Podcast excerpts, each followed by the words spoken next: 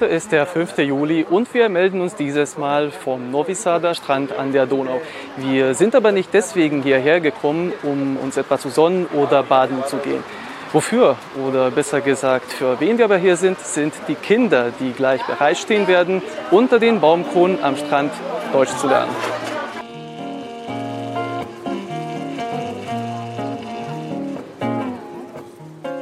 In der Organisation der Medienagentur Heror Mediapont, der Stadtbibliothek Novi Sad und des Zentrums für die Entwicklung der lokalen und Minderheitenmedien findet im Monat Juli die Manifestation Unter Baumkronen am Strand statt. Eröffnet wurde die Veranstaltung dieses Jahr am 5. Juli im Gebäude der Stadtbibliothek Novi Sad am Strand. Im Rahmen des Programms können Kinder verschiedenen Alters einige der Minderheitensprachen der Vojvodina lernen. Die 13- bis 19-Jährigen konnten sich für einen einmonatigen Kurs der rumänischen Sprache anmelden, während für die Kleinen zwischen 5 und 12 Jahren einwöchige Kurse der slowenischen, russinischen, der Zeichensprache sowie auch der deutschen Sprache vorgesehen waren. Deutsch stand in der diesjährigen neunten Ausgabe zum ersten Mal im Angebot und war zwischen dem 5. und 9. Juli die erste Sprache, die die Kinder kennenlernen konnten. Die Idee war, die Sprachen und die Kultur der hiesigen Minderheiten sowie die minderheitensprachigen Medien vorzustellen. In den vergangenen Jahren hat das bisher sehr gut geklappt und wir konnten mehrere Sprachen einführen. Unser Ziel ist es, dass die Kinder eine angenehme Zeit haben, sich kennenlernen und dass ihnen die Sprache der Gemeinschaften, die uns alle umgeben, näher gebracht werden. Dadurch sollen sie motiviert werden, sich später für eine der Minderheitensprachen unserer Region als Wahlfach in der Schule zu entscheiden. Natürlich ist es für uns darüber hinaus wichtig, dass die Kinder gewisse Grundkenntnisse in diesen Sprachen erwerben. Die deutsche Sprache wurde dieses Jahr das erste Mal eingeführt, da es unserer Meinung nach wichtig ist, auch auf die Donauschwaben einzugehen. Wir alle sollten etwas über die Kultur der Deutschen lernen, die einst hier lebten. Dieses Erbe zu pflegen, ist von großer Bedeutung. Die Kinder sollten innerhalb von fünf Tagen ca. 100 Wörter lernen und ein Gefühl für die deutsche Sprache entwickeln. Um dies zu erreichen, stand den Organisatoren bei der Planung und Umsetzung des Deutschkurses der Novi Deutsche Verein Donaubrücke Neusat zur Seite.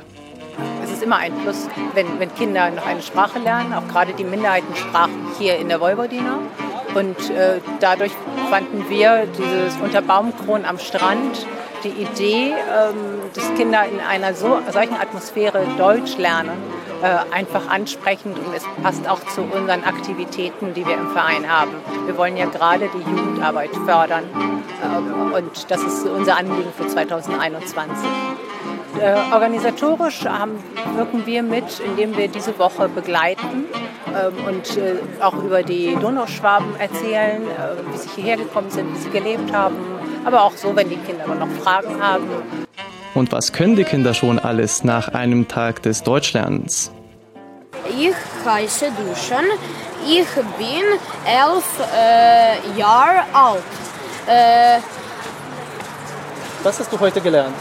Äh, eins, zwei, drei, vier, fünf, äh, sechs, sieben, acht, neun, zehn. Ich heiße Sandra. Was ist die Hauptstadt von Deutschland?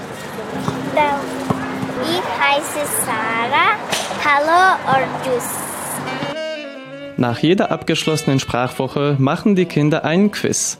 Die drei Besten in den jeweiligen Sprachen gewinnen als Preis einen dreimonatigen deutschen Sprachkurs des Vereins Donaubrücke Neusatz.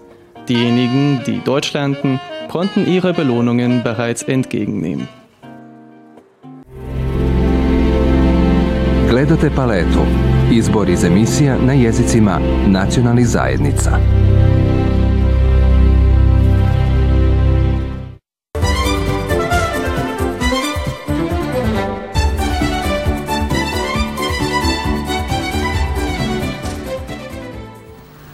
Die Einweihung der Gedenkstätte für die ermordeten Angehörigen der deutschen Minderheit im einstigen Filipovo, heute Batschki Gračeci.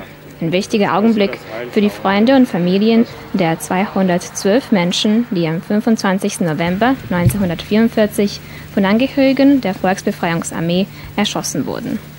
Unter den Trauernden ist auch Dr. Robert Zollitsch, Erzbischof Emeritus der Erzdiözese Freiburg, der bei der Einweihung den Gottesdienst leitete. Er hat damals im Alter von nur sechs Jahren seinen 16-jährigen Bruder verloren. Der Lebensweg von Zollitsch führte ihn von dem Dorf Filipovo in der Batschka bis zu einer der höchsten Anstellungen der katholischen Kirche in Deutschland.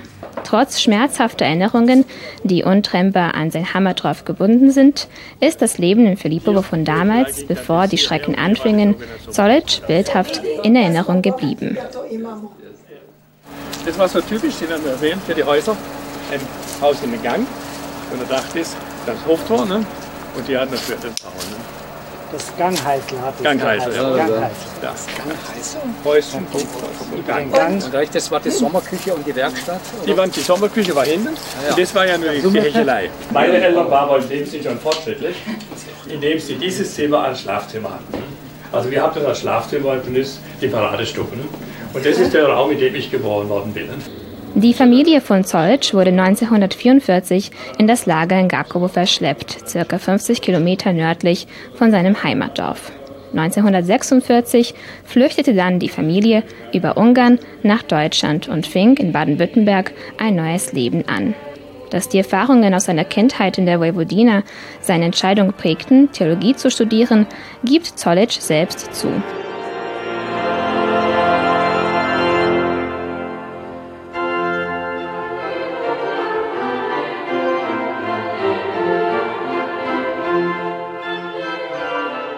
Die Hoffnung, die ihm der Glaube in der Zeit im Lager gegeben hatte, war etwas, was er den Menschen vermitteln wollte. Zollitsch war Erzbischof von Freiburg und Metropolit der Kirchenprovinz Freiburg, wie auch apostolischer Administrator des Erzbistums Freiburg und Vorsitzender der Deutschen Bischofskonferenz. Die Verbindung zur einstigen Heimat hält er aufrecht, sowohl als Angehöriger der Donauschwaben wie auch in seiner Rolle als kirchlicher Amtsträger. Durch die vielen Besuche, die nach Serbien unternommen hat, zeigt Zollitsch seine Unterstützung nicht nur für die deutsche Minderheit, sondern auch für das Land, das einst seine Heimat war. Ich bin mit vielen Erinnerungen nochmal in meine alte Heimat gegangen. Ich bin gekommen, um die Erinnerung wachzuhalten. Aber ich bin gekommen, nicht um jetzt irgendjemanden Vorwürfe zu machen, etwas aufzurechnen, sondern ich möchte dazu beitragen, dass wir Brücken bauen. Brücken in die Zukunft, Verständigung und Versöhnung ist für mich wichtig. Wichtig ist auch, dass Serbien einen Weg in die Zukunft findet im vereinten Europa. Und ich hoffe, dass ich ein bisschen dazu beitragen kann, dieses vereinte Europa für Serbien zu öffnen und Serbien für, zu öffnen für die Werte in Europa. Denn wir haben nur gemeinsam eine Zukunft, nicht als Einzelne. Und wenn Europa eine Zukunft haben soll, dann ist es mir wichtig, dass auch meine Heimat, in der, in der ich geboren wurde, ich bin als jugoslawischer Staatsbürger geboren, auch in Europa eine Zukunft hat. Und wenn ich dazu helfen kann, dann muss ich sagen, bin ich sehr froh, dann hat sich auch dieser Besuch, Besuch gelohnt.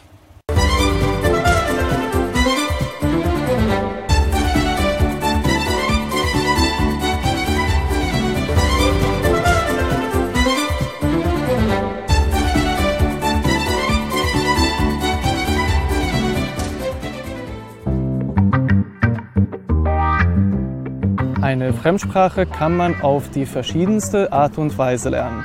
Einige versuchen, die gegebene Sprache, ähnlich wie die Muttersprache von klein auf, mehr oder weniger spontan zu erwerben, während andere im Rahmen des schulischen Unterrichts oder im Rahmen von Sprachkursen eine Sprache lernen. Bei manchen ist es aber auch eine Leidenschaft, die einen dazu bringt, die Sprache zu lernen. Und mit genau so einer Person werden wir uns heute unterhalten, die auf diese Weise die deutsche Sprache gelernt hat. David, stell dich zuerst äh, bitte vor und erzähl unseren Zuschauerinnen und Zuschauern etwas über dich selbst. Ja, gerne. Also, äh, mein Name ist David Dukay. Äh, ich bin in Ohom aufgewachsen, also in einem Dorf, das in der Nähe von Subotica liegt. Ich habe diplomiert an der Fakultät für Bauingenieurwesen, Abteilung für Hydrologie und Umweltingenieurwesen. Also ich bin ein Wasserbauingenieur. Ich habe im Privatsektor einige Jahre gearbeitet Und dann bin ich äh, nach Ungarn äh, umgezogen und äh, seit sechs Jahren lebe ich äh, dort. Ich habe die deutsche Sprache in der Grundschule gelernt, vier Jahre, und danach auch im Gymnasium. Aber ich muss zugeben, dass die Effizienz äh, des Unterrichts nicht befriedigend war. Äh, also äh, ereign einmal ereignete sich ein großer Meilenstein in meinem Leben. Im Jahre 2016 bot sich eine Gelegenheit, meinen in Deutschland lebenden Freund zu besuchen. Und äh, als ich dort war, spürte ich, äh, dass meine, meine Sprachkenntnisse, äh, meine verbale Kommunikation nicht gut genug ist, um normalerweise kommunizieren zu können. Und danach traf ich eine Entscheidung, dass ich, dass ich die Sprache unbedingt beherrschen will. Im Jahre 2017 äh, ergab sich, ergab sich äh, eine, eine Gelegenheit, eine deutschsprachige äh, Sportzeitschrift zu abonnieren, was ich auch gemacht habe. Diese Zeitschrift heißt Sportbild. Und äh, auf welche Art und Weise erweiterst du in diesem Moment weiterhin deine Kenntnisse? Denn deine Situation ist eine andere wie jene vieler anderer Personen. Du hast ja keine keine Lehrkraft beispielsweise, die dir zur Seite steht. Du machst das alleine, das ist deine als selbstständige Arbeit. Wie machst du das? Ja, ja, ja, ja. Alles muss ich eigentlich äh, autodidaktisch machen. Ich habe ein Notizheft und in diesem Notizheft äh, stehen viele nützliche Informationen, äh, äh, verschiedene Redewendungen und neue Wörter, die ich im allgemeinen Leben verwenden kann. Was auch interessant und was auch sehr wichtig ist, dass ich diese Zeitschrift, die ich schon erwähnt habe, erwähnt habe jede Woche lese. Und, ich, und darin finde ich nicht nur nützliche, sondern auch interessante Informationen, neue Redewendungen, neue Wörter, die ich, die ich bewältigen und beherrschen kann. Äh, und eigentlich, das hilft mir auch, äh, meinen Wortschatz, den ich äh, einmal schon erweitert habe und bereichert habe, meinen Wortschatz zu, auch zu behalten. Und was war für dich persönlich das Schwierigste in der deutschen Sprache? Aber was ist auf der anderen Seite das Interessanteste? Auf den ersten Platz würde ich die Wortfolge stellen, zweifelsohne und auch die Artikel. Ja, die ja. Wortstellung an erster Stelle. Ja, ja, ja, ja absolut. Äh, und was ist das Interessanteste für dich in der deutschen Sprache? Ich würde ein Fazit dazu machen. Also, okay. äh, was darfst du machen, natürlich? Ja. Äh, die deutsche Sprache ist äh, eine extrem verfeinerte Sprache, die uns ermöglicht, äh, alles bestmöglich ausdrücken zu können. Das Und das, das finde ich vielleicht am interessantesten. Und was ist mit den deutschen Minuten? Denn du verfolgst auch unsere Sendungen. Ich kann auch sagen, glaube ich, dass du ein Fan bist. Das hast du auch ja, selber ja, mal ja, gesagt. Also, das ist kein Geheimnis, ja. Ja, äh, also wie helfen unsere Sendungen dir dabei, deine Kenntnisse vielleicht auch noch weiter zu erweitern und welche unserer Inhalte findest du am interessantesten? Äh, die, die interessantesten Inhalte sind äh, für mich äh, die Gespräche mit Gästen, äh, deren äh, Muttersprache Deutsch ist, weil, ich, weil, ich von, weil ich von ihnen immer was Neues abschauen kann, sowohl von den Gästen als auch von den Moderatoren. Man muss eine, eine sehr, sehr starke Motivation, eine, eine entschlossene Zielsetzung haben, warum man eine Sprache lernt. Äh, ich denke, äh, das Sprachlernen ist nie ein Ziel, sondern ein Mittel, um unsere Ziele zu erreichen.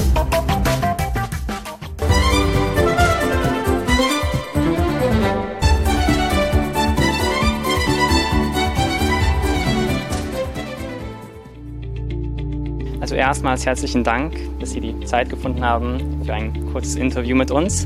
Ähm, und ja, ich bitte Sie dann, dass Sie unseren Zuschauern äh, kurz darstellen, was denn das Deutsche Kulturforum Östliches Europa ist, womit es sich beschäftigt. Wir sind eine Institution mit Sitz in Potsdam. Das Deutsche Kulturforum Östliches Europa, wie der Name sagt, beschäftigt sich mit dem östlichen Europa, aber vor allen Dingen mit den deutschen Spuren im östlichen Europa. Das heißt, mit der deutschen Geschichte und Kultur im östlichen Europa. Sie wissen es hier in der Vojvodina, wir haben hier eine plurikulturelle Gegend und das ist auch das Schöne an solchen Regionen, dass es so viele unterschiedliche Minderheiten gibt. Und wir jetzt speziell, das Deutsche Kulturforum Östliches Europa, sind auf den Spuren und auf der Suche nach den Spuren von eben nur der deutschen Minderheit. Meine Rolle ist die, dass ich das südosteuropäische, äh, den südosteuropäischen Bereich abdecke und bin Südosteuropa-Referentin im Deutschen Kulturforum Östliches Europa. Das heißt, Länder wie Ihr schönes Land, also Serbien und äh, Ungarn und Rumänien und Slowenien gehören zu meinem äh, Bereich. Und ich sage dann auch immer gerne, Natürlich ist das nur ein Witz. Das ist mein Imperium. Das ist das Reich, über das ich herrsche. Aber Sie haben doch auch einen persönlichen Bezug zu dieser Region, denn wie schon Ihr Name eigentlich andeutet, Sie haben mindestens ungarische und donauschwäbische Spuren und Sie sprechen auch Rumänisch neben dem ungarischen, deutschen und ja, englischen. Ja, also genau. können Sie den Zuschauern Ihre Vorgeschichte erzählen? Ja, meine Vorgeschichte. Ich bin äh, tatsächlich auch in einem plurikulturellen Land geboren äh, nämlich in Rumänien. Ich komme aus Siebenbürgen. Äh, meine Mutter ist Burzenländerin, also Siebenbürger Sächsin. Das ist sozusagen mein deutscher Anteil. Und der ungarische Sölöschi, wie mein Nachname sagt, ist der väterliche Teil. Und mein Vater kommt eben aus Klausenburg, aus Kolozsvár, äh, Cluj äh, auf Rumänisch. Und äh, das ist jetzt so mein persönlicher Bezug.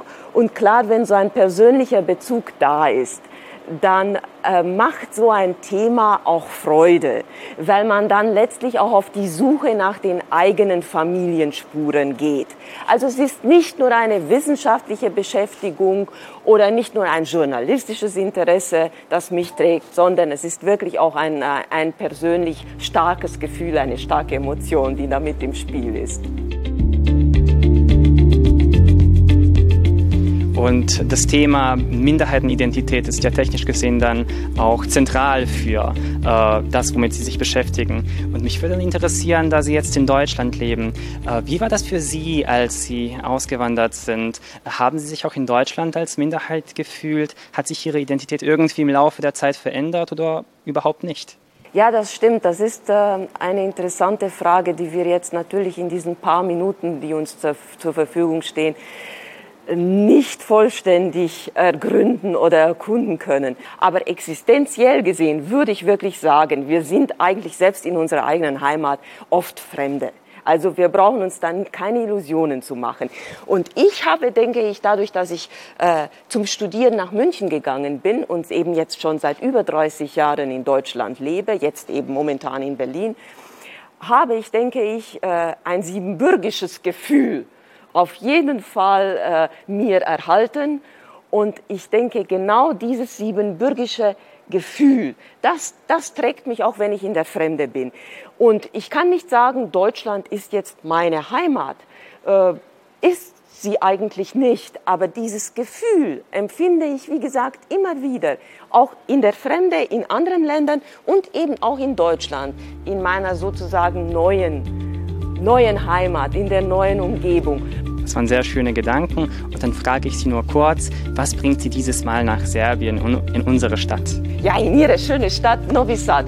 Äh, Neusatz zu Deutsch, Ujvidek äh, auf Ungarisch. Ich bin ganz begeistert. Ich bin jetzt den dritten Tag schon hier und ich habe nicht alles gesehen, aber ich habe natürlich diese vielen, vielen Brücken bewundert, obwohl es ja neue Brücken sind. äh, aber ich dachte mir, siehst du, das ist es, symbolisch in einer Brücke, dieses Verbindende, was ich meine, dass wir als Kulturinstitut auch leisten, dass wir Brücken schlagen. Und hier haben sie so sehr viele Brücken, dass mich das tatsächlich sehr erfreut. Und es verbindet ja alles. Es verbindet Brücken, verbinden Menschen, verbinden Regionen, verbinden Kontinente. Ja, wir, wir haben das ja hier bei Ihnen wirklich geschichtlich, können wir das gut nachvollziehen. Bei Ihnen hier in äh, Neusatz. Und ich komme jetzt nach Neusatz, um eine Journalistenreise vorzubereiten. Ich werde mit zwölf Journalisten im September bei Ihnen sein und ich möchte den Journalisten aus ganz unterschiedlichen Perspektiven dieses Städtchen zeigen. Und natürlich bemühe ich mich jetzt um Ansprechpartner, damit wir die Journalisten dann auch ganz bestimmte Persönlichkeiten der Stadt befragen. Natürlich gehört dazu auch der Bürgermeister der Stadt, aber natürlich auch Sie zum Beispiel als Redaktion äh, des Vojvodina Fernsehens, dass wir vielleicht unter Kollegen uns einfach mal zusammenfinden und uns austauschen. Ich denke, das ist sehr, sehr interessant und ich denke, viele bundesdeutsche Journalisten wissen gar nicht, dass es hier in der Vojvodina ein Fernsehen und ein Radio gibt für Minderheiten, und zwar auch für die deutsche Minderheit, das ist meist nicht so interessant. Und ich hoffe für die deutschen Journalisten, und ich hoffe, wenn wir dann hier zusammen sind, dass dieses Thema auch aufgegriffen wird von den Journalisten, von den bundesdeutschen Journalisten. Ich bedanke mich herzlich für das Interview und freue mich schon auf ein nächstes Wiedersehen im September. Ja, ich danke Ihnen auch für dieses Gespräch.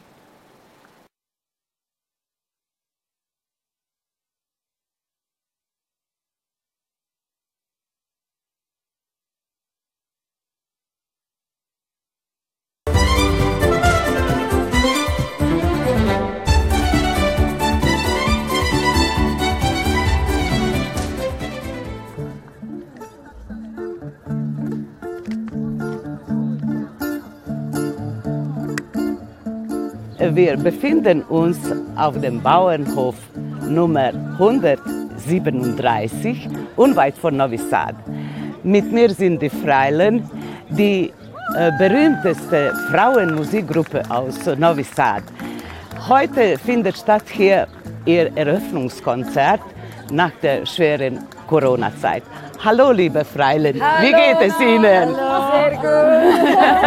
Äh, ihr erster großer Erfolg war eben die Schallplatte mit dem Titel Ich liebe dich. Ah, ich liebe dich, dođi da ti napišem stih, dođi da te poljubim, ich liebe dich, ja sam najbolja od svih, ich liebe dich.